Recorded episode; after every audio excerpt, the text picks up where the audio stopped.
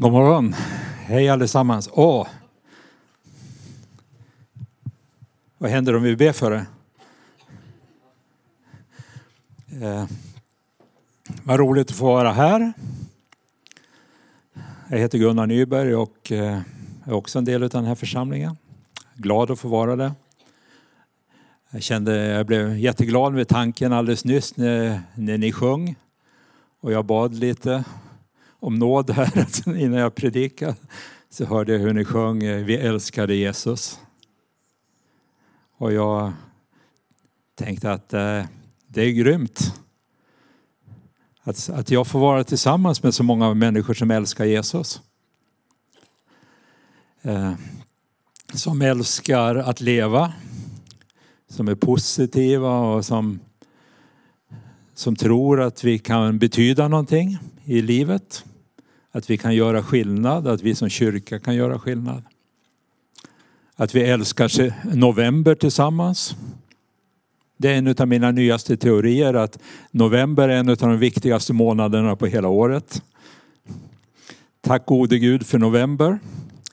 Man behöver ha tråkigt. Man mår bra av att inte behöva göra någonting jämt. Att det är sånt där väder som säger stanna inne idag, ta det bara lugnt. Jag kapar lite eh, syrener hemma. Vi har, man ska ju inte ta bort så fina grejer men de, de är för stora de här buskarna. Och knopparna var nästan en centimeter stora. Väntar bara på hösten och våren men de behöver vila. De väntar inte på hösten utan de väntar på våren. De ska gå igenom vintern men de, de, de finns där redan. Men de behöver vila. Tack gode Gud för tråkighet. Och för vinterstudion mitt i mörkret.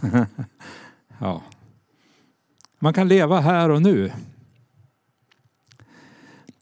Idag är det en vecka kvar till första advent berättade Anita och det betyder att i kyrkoåret så är det idag, är det någon som vet? Domsöndagen. Domsöndagen. Den av, det är det sista söndagen i det gamla året. Det är alltså kyrkornas nyårsafton idag. Det är nyårsafton, det är en dag för, för eftertanke, för utvärdering. Men det är också en dag för fest. Dom har två sidor. Det handlar om att bli dömd till. Men framförallt så handlar det om att bli frikänd ifrån. Det är alltså en dag för fest och glädje. Temat i varenda år på domsöndagen det är Kristi återkomst. I den katolska kyrkan så heter den här dagen Kristi konungens dag. Vi firar Kristus, han som sitter på tronen. Vi böjer oss inför honom, vi sjunger bara ut vår kärlek till, till Jesus som sitter på tronen. Det är otroligt bra och nyttigt att ha någonstans där man går en gång i veckan åtminstone och, och tillsammans med människor säger till varandra det är bara inför honom som vi böjer våra knän. Det är så mycket i livet som vill tynga ner oss och få oss bli böjda och krökta inför andra saker och som lägger ett ok på oss som gör att det, det, känns tungt och jobbigt. Det är så nyttigt att få komma tillsammans och höra en massa människor som sjunger ut det. Bara inför Jesus böjer jag mina knän.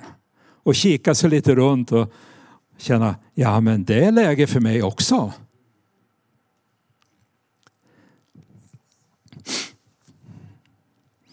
Eh, dagens texter, vi ska strax läsa Johannes 5. Det handlar om det handlar om eh, en dag när all ondska och allt, djäv, allt djävulskap kommer att dömas och förvisas för evigt. När det bara finns glädje och tacksamhet kvar. Sug på den lite.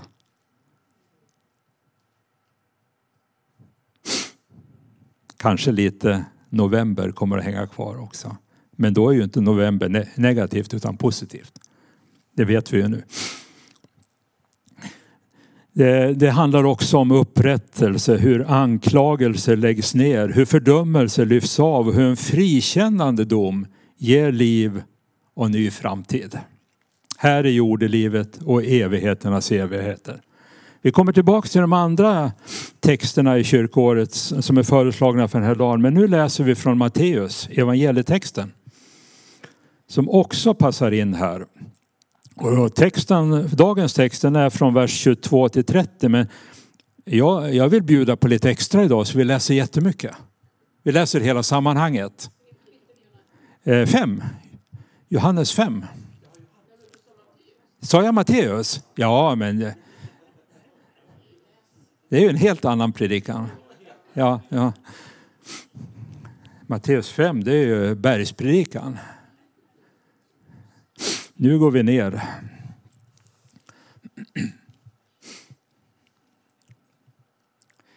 Johannes 5. Jag ger er lite tid så ni hinner slå upp i, läsa lite i, leta lite i mobilen. Och i, det finns ju lite biblar utplockade. En del tar med sig till kyrkan. Och en del spar dem här vecka efter vecka för att ha en kyrkobibel. Det är ju kanon alltså. Jag har också en bibel som står längst där bak. Det står mitt namn i den. Den är på engelska om någon behöver den. En brun. Då läser vi Johannes 5. Sen inföll en av judarnas högtider och Jesus gick upp till Jerusalem. Vid fårdammen i Jerusalem fanns ett bad med det hebreiska namnet Betesda. Det hade fem pelargångar och i dem låg en mängd sjuka, blinda, lama och lytta. Och där fanns en man som hade varit sjuk i 38 år. Då Jesus såg honom ligga där och fick veta att han var sjuk så länge frågade han honom Vill du bli frisk? Den sjuke svarade Herre, jag har ingen som kan hjälpa mig ner i bassängen när vattnet börjar svalla. Medan jag försöker ta mig ner dit hinner någon annan ner före mig. Jesus sa, stig upp, ta din bädd och gå. Och genast blev mannen frisk och tog sin bädd och gick. Men, men, det var sabbat den dagen. Och judarna sa till honom som hade blivit botat, det är sabbat och du får inte bära på din bädd.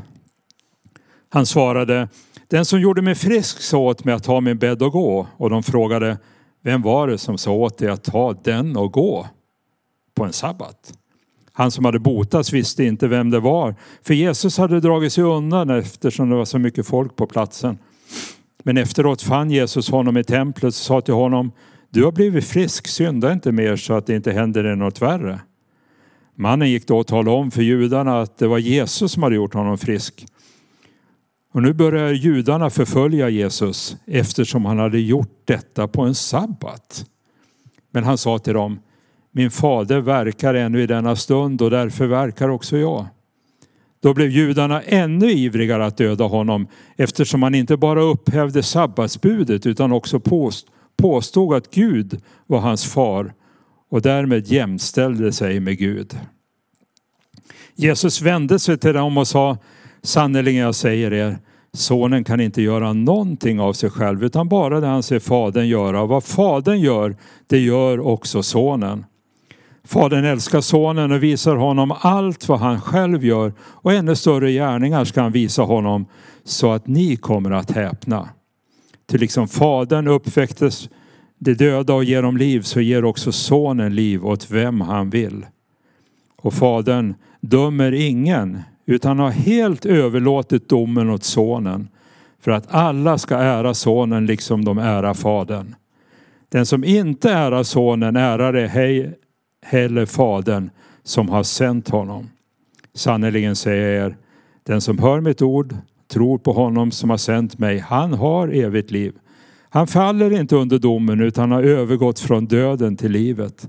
Sannerligen, jag säger er, den stund kommer, ja den är redan här, då de döda ska höra Guds röst och de som hör den ska få liv.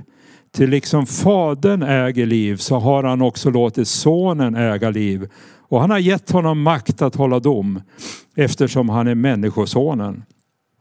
Var inte förvånad över detta. Den stund kommer då alla som ligger i sina gravar ska höra hans röst. Gå ut ur dem. Och de som har gjort det goda ska, ska uppstå till livet och de som har gjort det onda ska uppstå till döden. Av mig själv kan jag inte göra något. Som jag hör så dömer jag och min dom är rättvis. Ty jag följer inte min egen vilja utan hans vilja som har sänt mig. Så lyder Herrens ord. Ibland är det gott att läsa Bibeln högt för sig själv. Eh, och höra, höra Bibeln, låta den jobba igenom sig själv. Inte bara eh, ugna igenom och låta tankarna vara någon annanstans. Tack för att ni var med och läste en så lång bit.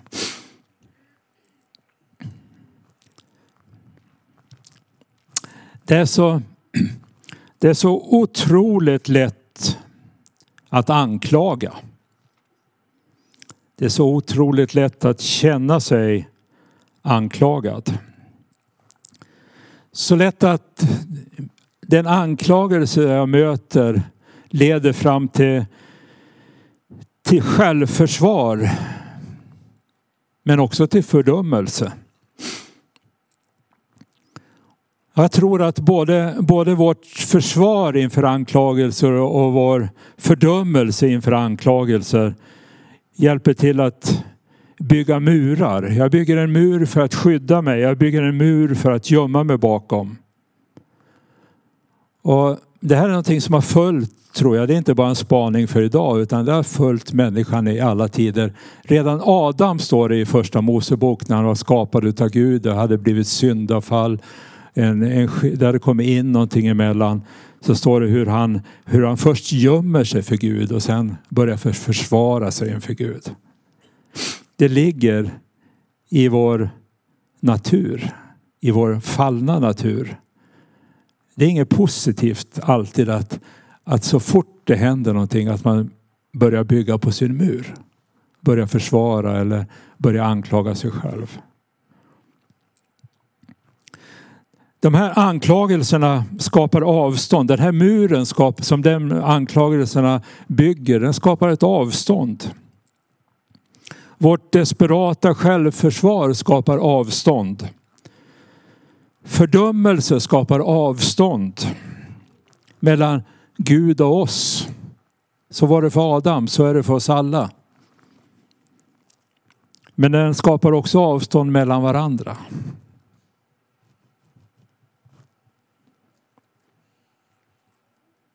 Det skapar ett avstånd inom oss själva, i vår egen självbild. Och till slut så kan det till och med innebära att jag har svårt att komma ihåg och svårt att se mig själv, vem jag egentligen är innerst inne. För min självbild har färgats så mycket. Inte bara av det jag gått igenom utan vad det jag gick igenom, hur jag mötte det som jag gick igenom. Hur jag dealade med det.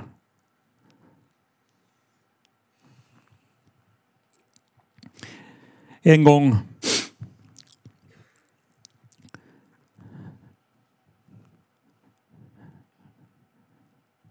eh, kom de religiösa ledarna till Jesus med, med ett mynt och sa Vem, är det rätt att ge skatt till kejsaren eller ska man inte göra det? Skuldfrågan. Att söka det rätta. Att, att inte göra fel. Det var så otroligt viktigt. Är det rätt eller fel att ge skatt till kejsaren? Andra gånger kom de till Jesus och anklagade honom för att han inte bara visade kärlek emot utan han till och med åt med syndare. Eh, en gång försökte de få honom att föreslå dödsstraff för en kvinna som hade varit otrogen. Därför att lagen sa så.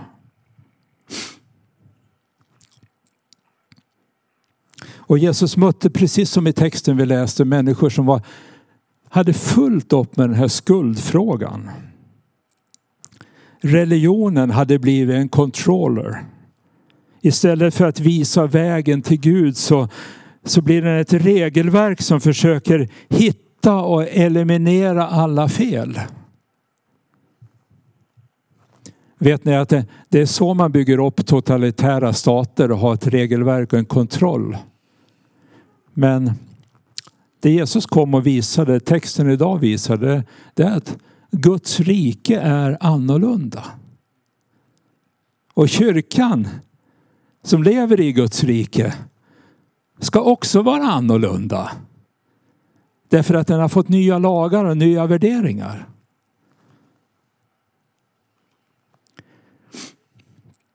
I dagens text så var den stora frågan var inte att mannen hade varit sjuk i 38 år.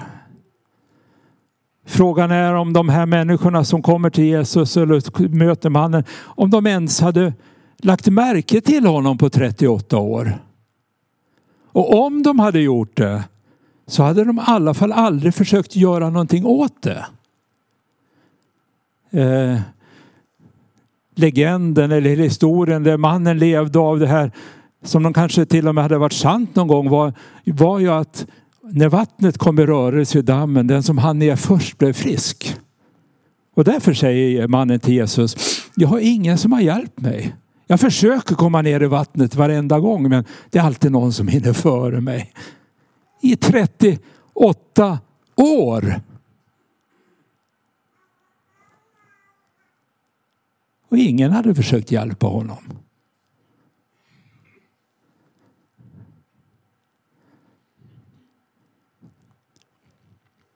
Men eh, idag, på sabbaten, så ser de att han bär sin säng. Då ser de honom.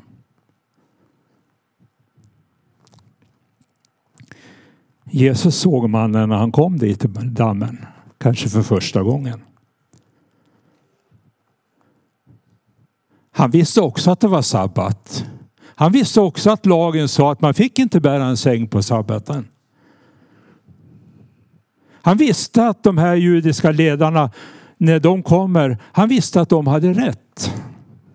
Att lagen gav dem rätt. Att det var fel att bära en säng på den. Han, han visste att om man bryter sabbatsbudet så kan man till och med bli stenad. Åtminstone få en väldigt allvarlig reprimand. Där är någon och slår en på fingrarna på en gång. Men Jesus visste någonting annat också. Han säger ju det i texten lite längre fram. Ja, ja, jag försöker lyssna på Gud. Jag gör ingenting av mig själv utan jag försöker hela tiden lyssna på Gud. Så det, det hände någonting där vid dammen medan alla de här tankarna kom och gick och medan människorna fanns där. Det var mycket folk på den platsen. Det var, det var inte lugn och ro och kontemplation utan det var, det var mitt i livet. Men mitt i livet så börjar Jesus konversera med sin far. Och han hör någon som säger kanske, låt mig fantisera lite, ser du mannen? Eller Jesus säger till far, ser du mannen? Ser du mannen där? Och det kommer upp en fråga i Jesu hjärta. Finns det en möjlighet att den här mannen efter så lång tid, i 38 år, det var några som visste. De berättade att han har varit sjuk så länge. Finns det en möjlighet att han efter så lång tid, efter 38 år, kan bli frisk? Och så tror jag Jesus hör en väldigt stilla röst eller en känsla inom sig. Det börjar pirra i kroppen kanske bara.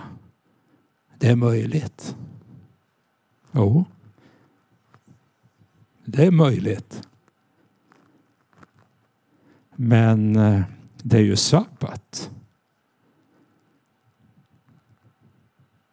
Det fanns ju så många andra dagar här under 38 år som inte var sabbat.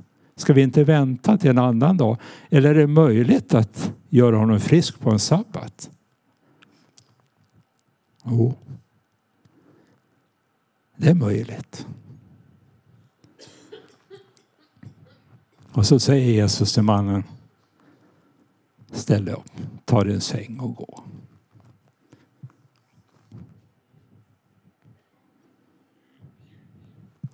Rent teologiskt så var det inte möjligt. Men för Gud Och för Jesus som lyssnade på Gud så var det möjligt. Ända sen, det, det handlar alltså om, inte om dom, det handlar om, inte om avstånd längre utan det handlar om försoning. Ända sedan Adam och Evas dagar så har Gud varit i återvinningsbranschen. Vi trodde att vi var snabba här i Ludvika med våra stora dubbla soptunnor. Ja, det är ju jättebra att vi är så på. Jag visste inte ens om de, som någon sa att, de, att kommunen slängde mina plastpåsar i havet. Om inte jag sorterar dem rätt. Det gjorde de ju inte såklart. Men det är ju bra att vi håller på. Det är bra att vi lär varandra. Det är bra att vi lär våra barn. Det är faktiskt ett av mina barn som har lärt mig att sopsortera. Om inte Frida hade kommit hem från skolan för länge sedan och sagt att man ska göra det, då hade jag fortsatt att slängt konservburkar och glas och elavfall allt i samma tunna. Men det var då de första containrarna kom upp och vi åkte noga tillsammans och hon lärde mig hur man skulle stoppa i. Jag håller fortfarande på och lär mig. Va? Har ni det i ryggmärgen? Gud har varit i sopsorteringsbranschen länge. Han har varit i återvinningsbranschen jättelänge. Skuldfrågan är ju, den är ju viktig. Det är viktigt att få veta var, var skuld ligger ibland. Men Gud har alltid varit mycket mer intresserad av försoning och upprättelse och läkedom. Gud har alltid varit mycket mer intresserad av det. Ingenstans är vår självrättfärdighet så tydlig som när Gud lyser på oss med sitt ljus. Det är oerhört skrämmande att vara där allt försvar blir meningslöst. Allt försvar blir meningslöst. Där ingenting kan gömmas. Att stå inför en domare som är helt igenom ren och helig. Vi ska läsa en av de andra texterna för idag. Det står i Daniels bok. Det handlar mycket om dig idag Daniel. Daniel har en egen bok i Bibeln i Gamla Testamentet. Det står i kapitel 7, vers 9 till 10 står det så här. Sen såg jag tronstolar ställas fram. En uråldrig man slår sig ner. Hans kläder var snövita. Hans hår på hans och håret på hans huvud var som ren ull. Hans tron var eldslågor och flammande eld. Kan man få höra ett halleluja på det? en ström av eld flöt ifrån platsen där han satt. Tusen och åter tusen betjänade honom och tiotusen och åter tiotusen stod där inför honom. Så tog domare plats och böcker öppnades. Det är ingen halleluja situation direkt va? Utan när kung David tänker på det här så skriver han i psalm 24. Vem får gå upp till Herrens berg? Vem får gå in i hans tempel? Jo, den som har skuldlösa händer och rent hjärta. Vem av oss platsar där? Vem av oss har, är skuldlös? Vem av oss har aldrig gjort något fel? Vem av oss har aldrig smutsat ner sitt hjärta?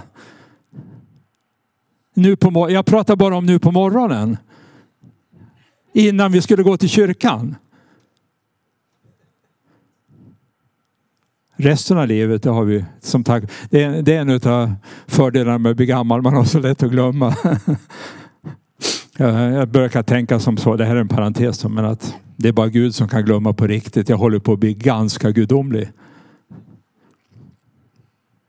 Men jag minns att jag tjafsade lite på vägen hit idag. Eller hur Marianne? Ja. Jag gjorde det. Eller innan, strax innan.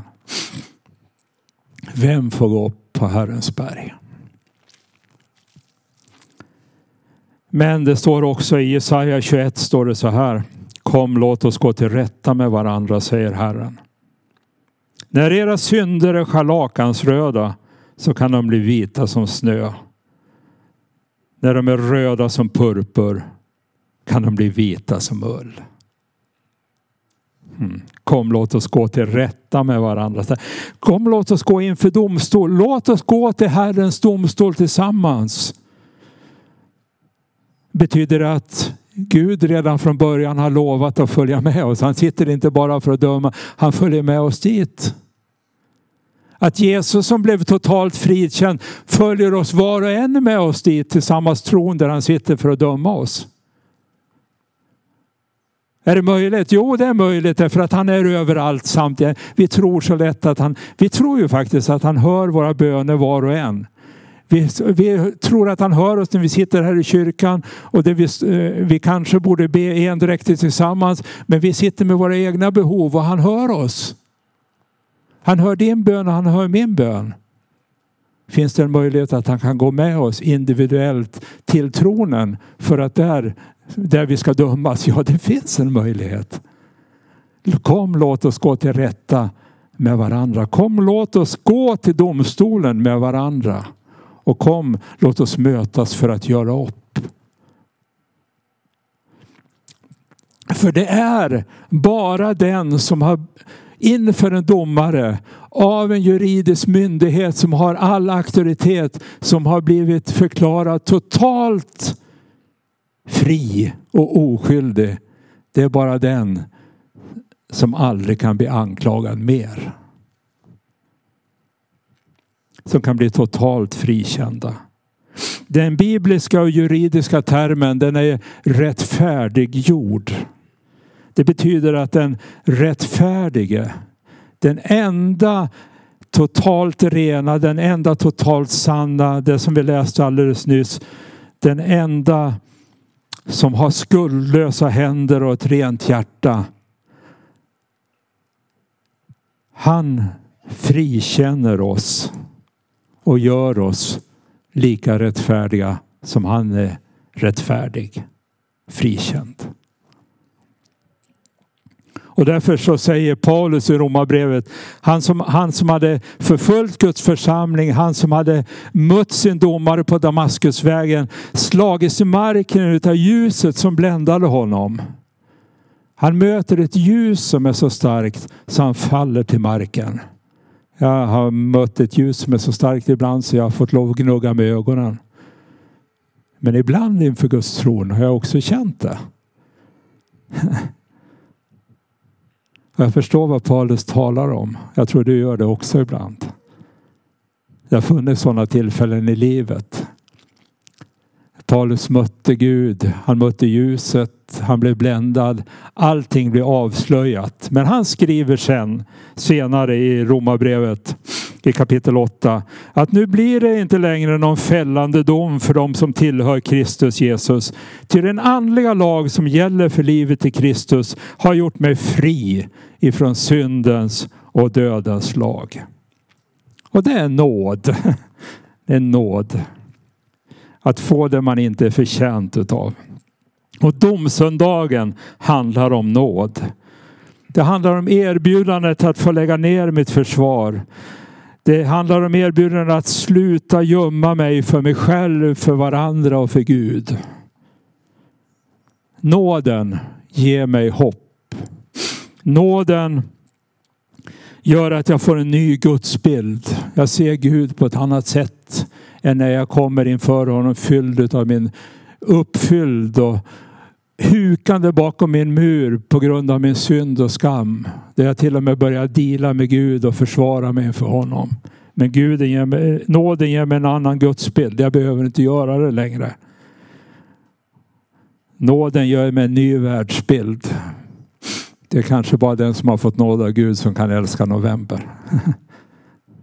älska sina fiender. Älska de som förföljer oss. Det finns en rolig bild som åker runt på, på Facebook ibland så där, i olika det dyker upp. En, en, del av er vet vad Facebook är va? Andra har hört talas om det. Ja, ni har hört talas om det. Eh, man, man får Det är ett socialt medium. Medie. Och eh, Jesus sitter och undervisar och säger älska era fiender. Och så säger någon, men muslimerna då? Okej, okay, jag tar det från början. Jag vet, så säger ni till vad ni var ni, ni missar mig, säger Jesus. Älska varandra, älska till och med era fiender. En annan variant är ändå liksom det här Äh, älska alla. Men hur, med, hur är det med syndarna och alla homosexuella då, säger han.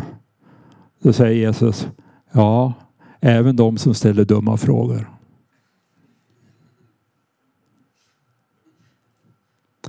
Han säger älska varandra villkorslöst. Hur kan man få en sån? Hur kan man få en sån världsbild? Jo, därför att man är frikänd. Jag är inte satt för att döma. Jag är satt för att älska. Annars ligger mannen kvar där vid dammen fortfarande. Betydligt längre än 38 år. En ny självbild. Nåden ger mig hopp om en ny självbild. ja, jag vet så väl vem jag är. Men jag vet också att jag är älskad. Och den kärleken som inte förtjänar att bli tagen på allvar, den är ju så otroligt mycket ljuvare. När jag blir älskad bara för att jag är älskad. I episteltexten som det, ja, som det heter på kyrkoårsspråk så är den hämtad från Uppenbarelseboken.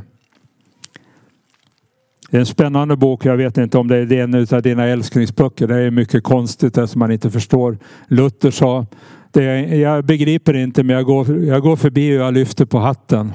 Jag förstår att en dag så ska det bli klart för mig. Så vi behöver inte förstå allt. Vi behöver inte förstå allt. Men det här, det här tror jag vi förstår. Det står så här i Uppenbarelseboken 20 och 11. Se, Guds tabernakel, Guds tempel står nu bland människorna. Och han ska bo ibland dem och de ska vara hans folk. Och Gud själv ska vara hos dem. Han ska torka alla tårar från deras ögon. Döden ska inte mer finnas till och ingen sorg, ingen sorg, ingen klagan, ingen smärta ska finnas mer. Till det som en gång var är borta. Och han som satt på tronen han sa, se jag gör allting nytt. Se jag gör allting nytt. En dag ska Jesus komma tillbaka för att döma levande och döda. Och det är nåd. Det är nåd. Att det är Jesus som ska komma tillbaka för att döma levande och döda. Det är samma Jesus, sa ängeln, som kommer tillbaka en gång i tiden. Samma Jesus som har sett ryckas upp. Samma Jesus ska komma tillbaka. Jesus ska komma tillbaka för att döma levande och döda. Det är samma Jesus som mötte mannen vid Betesda-dammen. Det är samma Jesus som ska komma tillbaka och döma oss. Ingen annan ska döma oss. Ingen åklagare ska döma oss. Utan Jesus ska döma oss. Med samma nåd.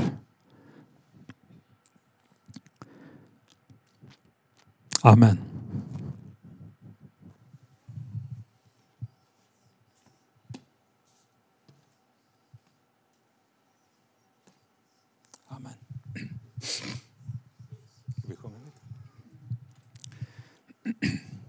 Vi, vi avslutar gudstjänsten lika enkelt som vi brukar göra. Vi, vi är inför Guds ansikte. Vi tackar Jesus för att det finns nåd här idag.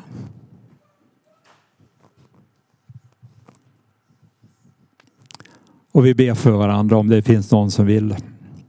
Vi ger möjlighet för dig som lider av svaghet, bekymmer och sjukdom. För det var ju det det handlade om.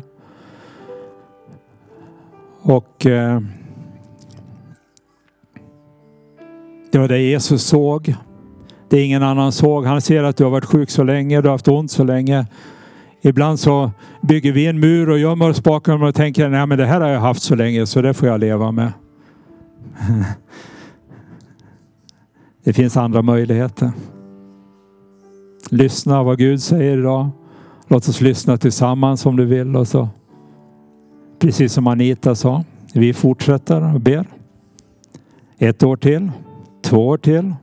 Än är vi inte uppe i 38 år. Jag tror inte det. En del saker kanske vi har hållit på med längre men det finns möjligheter. Men jag tror också vi ska ge möjlighet och du har också möjlighet själv att be att, att släppa, be att kunna släppa taget. Om du behöver nåd och förlåta. Gud vill göra ett under i ditt liv och ibland är det, är det så viktigt att bara lägga ner den här frågan om det är rätt eller fel. Om, jag har, om någon måste be mig om förlåtelse eller, eller hur det är för att jag ska kunna gå vidare. Det är så viktigt att bara kunna släppa taget. Att precis som Gud inte fokusera på fel utan på fokusera på det möjliga. För det gör alltid Gud. Finns det en möjlighet att du kan bli fri? Det som binder dig. Att be om kraft att lämna och förlåta. Oförlåtelse blir som, det blir som en cancer. Eh, det blir som en svamp som växer in i oss och som bildar metastaser utav cyniskhet och bitterhet och hat. Och det binder oss.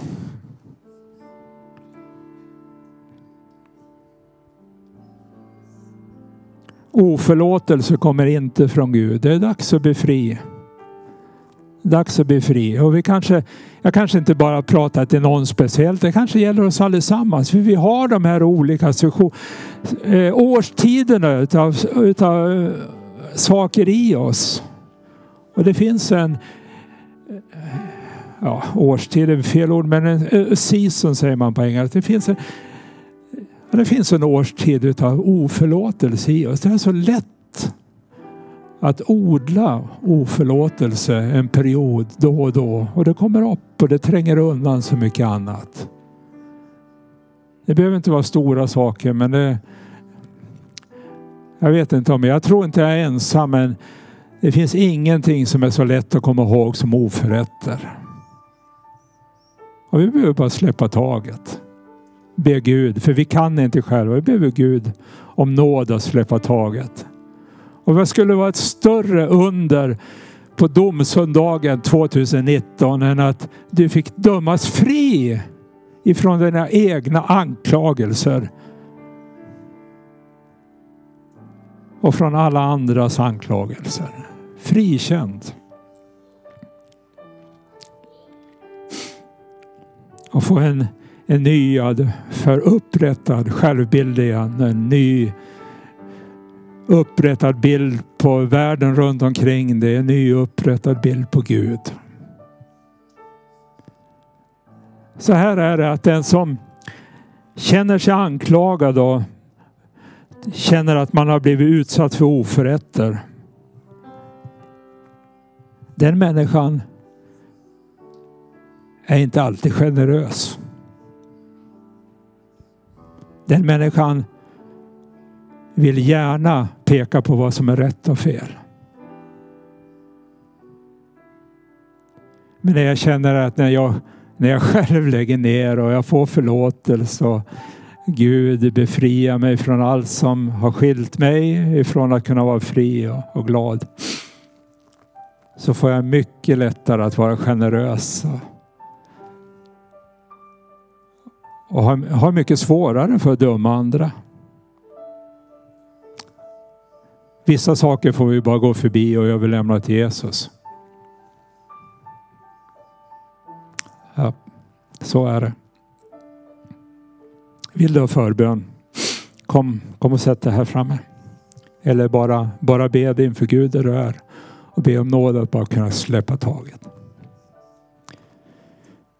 Tack för förmånen att få predika idag. Tack för att ni lyssnade så snällt och så länge.